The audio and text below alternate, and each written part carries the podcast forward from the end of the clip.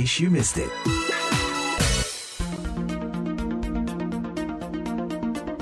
Dari VOA di Washington DC, kali ini bersama saya Dania Iman. In case you missed it, berdasarkan data National Science Foundation di Amerika Serikat, jumlah perempuan yang memiliki gelar sarjana di bidang teknik dalam 20 tahun terakhir telah meningkat. Namun jumlahnya masih tetap di bawah laki-laki. Pada kenyataannya, menurut organisasi nirlaba American Association of University Women yang bertujuan memajukan kesejahteraan perempuan melalui advokasi pendidikan dan penelitian, Jumlah perempuan yang bekerja di bidang sains, teknologi, teknik atau engineering, dan matematika atau biasa disingkat STEM hanya 28 persen.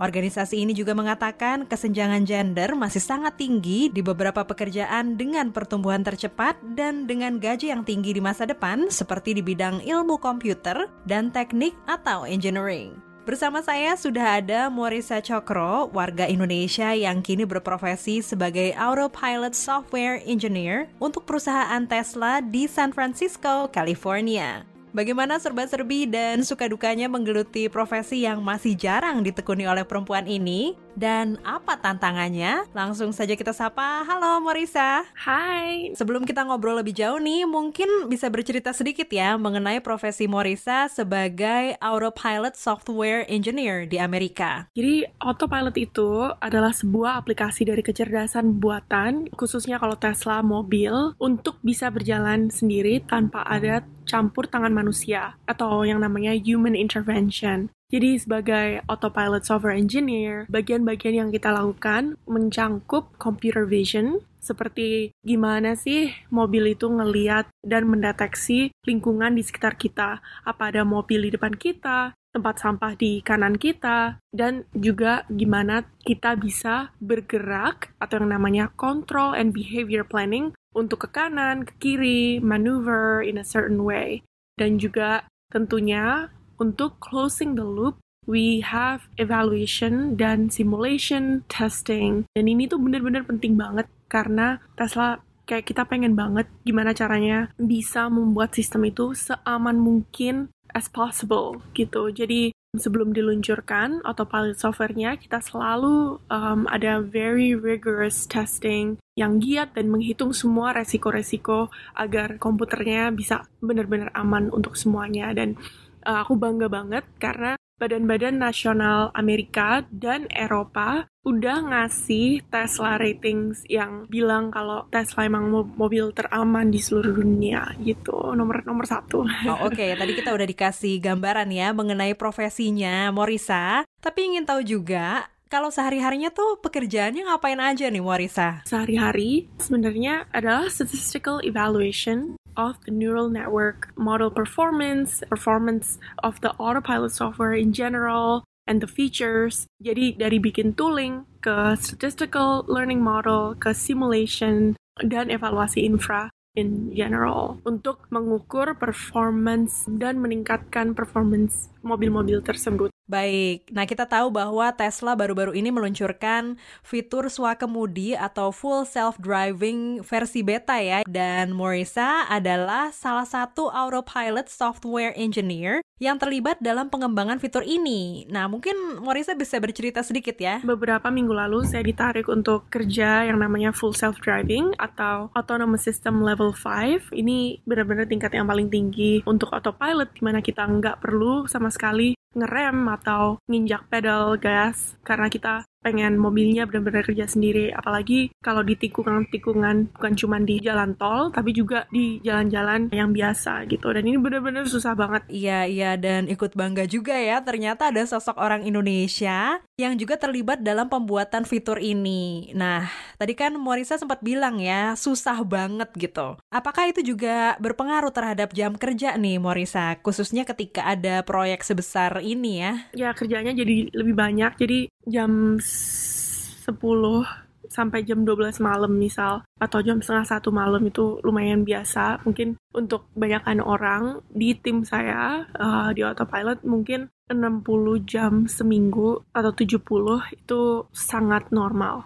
Wow, itu nggak kebayang ya 70 jam seminggu. Dan di hari peluncurannya kita melihat nih seluruh karyawan termasuk Morisa ya yang di bagian autopilot uh, engineer ini foto bersama dengan sang CEO yaitu Elon Musk. Nah, kalau Morisa sendiri pernah nggak nih berinteraksi langsung ya dengan Elon Musk? Enggak, saya belum berinteraksi secara langsung dengan Elon Musk tapi sering ketemu di kantor dan banyak bagian dari kerjaan saya yang emang untuk dia atau untuk dipresentasikan ke dia gitu. Nah, sebagai karyawan di Tesla ya, di perusahaan sebesar Tesla, apa nih biasanya keuntungan atau benefit yang diperoleh ya oleh karyawannya? Jadi kita ada asuransi-asuransi, semuanya di cover. Um, aku juga kayak dapat vision atau dental insurance. Terus juga sekarang karena kerjanya dengan mobil, juga dikasih perk untuk drive mobilnya juga ke mana-mana biar bisa di testing. Oke. Okay. Nah Morisa kalau kita bisa kilas balik sedikit nih ya, awal mulanya bagaimana nih sampai akhirnya memutuskan untuk bekerja sebagai autopilot software engineer untuk Tesla di Amerika? Iya, jadi sekitar dua tahun yang lalu temenku sebenarnya intern di Tesla dan waktu itu dia sempat ngirimin resumeku ke timnya. Dari situ aku tuh sebenarnya nggak pernah apply, jadi langsung dikontak sama Teslanya sendiri dan dari situlah kita mulai proses interview. Kalau latar belakang pendidikan kamu apa nih Morisa kalau boleh tahu? Jadi saya waktu itu dapat beasiswa untuk Amerika dua tahun yang lalu. Uh, nama beasiswanya Wilson and Shannon Technology Scholarship. Jadi habis itu saya berlanjut ngambil Industrial Engineering um, and Statistics di Georgia Institute of Technology until one day di um, tempat kerja saya, saya benar-benar work with you know some PhDs who, who actually ngomongin yang namanya random forest atau decision trees, a lot of statistical learning, forecasting method yang benar-benar bikin aku pengen ngejurusin bidang tersebut. Dan akhirnya dua tahun kemudian aku ke New York um, dan pursue data science untuk master saya, specifically di bidang machine learning at Columbia University, New York. So, ya, yeah, abis itu ke Tesla. Ingin tahu kiprah diaspora Indonesia di Amerika? Atau tentang cerita yang Amerika banget? Tonton Amerikui di YouTube channel VOA Indonesia. Sekali lagi, jangan lupa simak Amerikui di YouTube channel VOA Indonesia. Amerikui!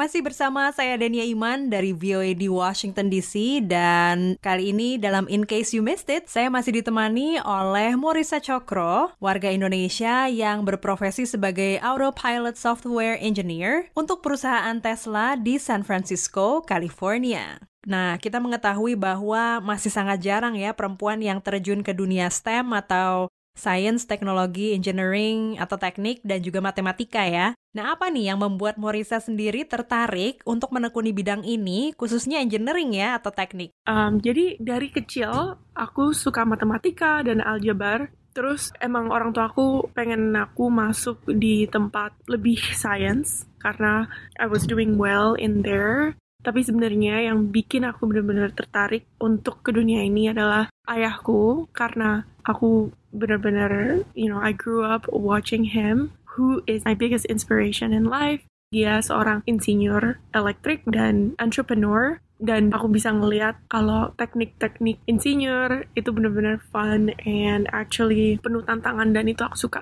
Nah kalau di kantor Tesla sendiri nih di San Francisco, banyak nggak nih perempuan yang berprofesi seperti Morisa? Enggak sama sekali. Di tempat saya cuma enam orang dari 110 engineers yang cewek dan dua dari mereka adalah product managers. Jadi bener-bener jarang gitu saya nggak tahu statistik di luar Silicon Valley atau even di luar Tesla yang mungkin beda company, beda rate, tapi mungkin 3-4% cewek di dunia teknologi tepatnya khusus otomotif mungkin sangat rendah tapi expected. Kalau menurut Morisa nih, apa nih tantangan yang sering kali dihadapi ya, khususnya sebagai perempuan yang menggeluti dunia STEM ini? Jadi menurut saya tantangan yang paling besar adalah kurangnya role model cewek di dunia STEM. Dan ini jadi memicu kesusahan yang namanya bisa memotivasi kita untuk menjadi atau melihat diri kita sebagai eksekutif di dunia teknologi, especially otomotif gitu. Karena jarang ya untuk bisa melihat posisi itu adalah perempuan, karena emang nggak ada gitu. Hampir nggak ada. Jadi saya tuh benar-benar berharap dan I'm very optimistic uh, dengan adanya organisasi-organisasi yang empower women seperti Women in STEM, Women at Tesla, Women Society Engineers, dan seperti apa yang kita lakukan sekarang dengan Voice of America. Ini benar-benar kegiatan yang bagus banget untuk minoritas cewek merasa di support and equipped and it's really really important for our future generation. Baik, tapi pernah merasa nggak nih ada perbedaan gitu ya sebagai perempuan yang menggeluti dunia yang masih didominasi oleh laki-laki? Dari pengalaman saya, saya nggak merasa ada diskriminasi atau apa untuk ke cewek. Mungkin I'm lucky that way, but kebanyakan dari perempuan emang kita lebih ngeiyain ya, atau nurut gitu. Uh, atau mungkin ini karena saya dibesarkan di Indonesia, jadi juga sering ngomong sorry, dan mungkin ini bukan cuman cewek, aja, tapi minoritas-minoritas di bidang yang tertentu gitu. Jadi self esteem kita juga bisa turun karena kita representing a minority. Nah, yang terakhir apa nih pesan yang ingin Morisa sampaikan ya kepada teman-teman yang sedang mendengarkan? Pesan-pesan saya untuk perempuan atau mungkin cowok and semuanya yang menekuni bidang apa pun, bukan cuma artificial intelligence, is to follow your heart. Jadi walaupun mungkin banyak orang sana yang gak setuju atau berpikir keputusan kita bukan yang terbaik, we have to follow our, hearts. And karena ketika kita follow our hearts kita nggak mungkin nyesel. Dan ketika kita tahu apa yang kita suka itu walaupun sebesar-besarnya tikungan, jalan atau mountains, we can still like ada sedikit semangat untuk menekuni bidang tersebut gitu. Nah, tadi kita sudah mendengarkan ya pesan-pesan inspiratif dari Morisa Cokro Terima kasih sekali nih Morisa atas waktunya untuk VOA Indonesia kali ini. Semoga sukses selalu ya ke depannya dan juga dengan rencana-rencana lainnya. Thank you so much. Dan tentunya untuk teman-teman VOA jangan lupa untuk selalu menyimak In Case You Missed It setiap Senin sampai Jumat bisa melalui website kami di www.voaindonesia.com atau juga melalui podcast di berbagai platform layanan streaming kesayangan Anda. Saya Dania Iman dari VOA di Washington DC pamit. Sampai ketemu lagi dalam In Case You Missed It bersama VOA Indonesia.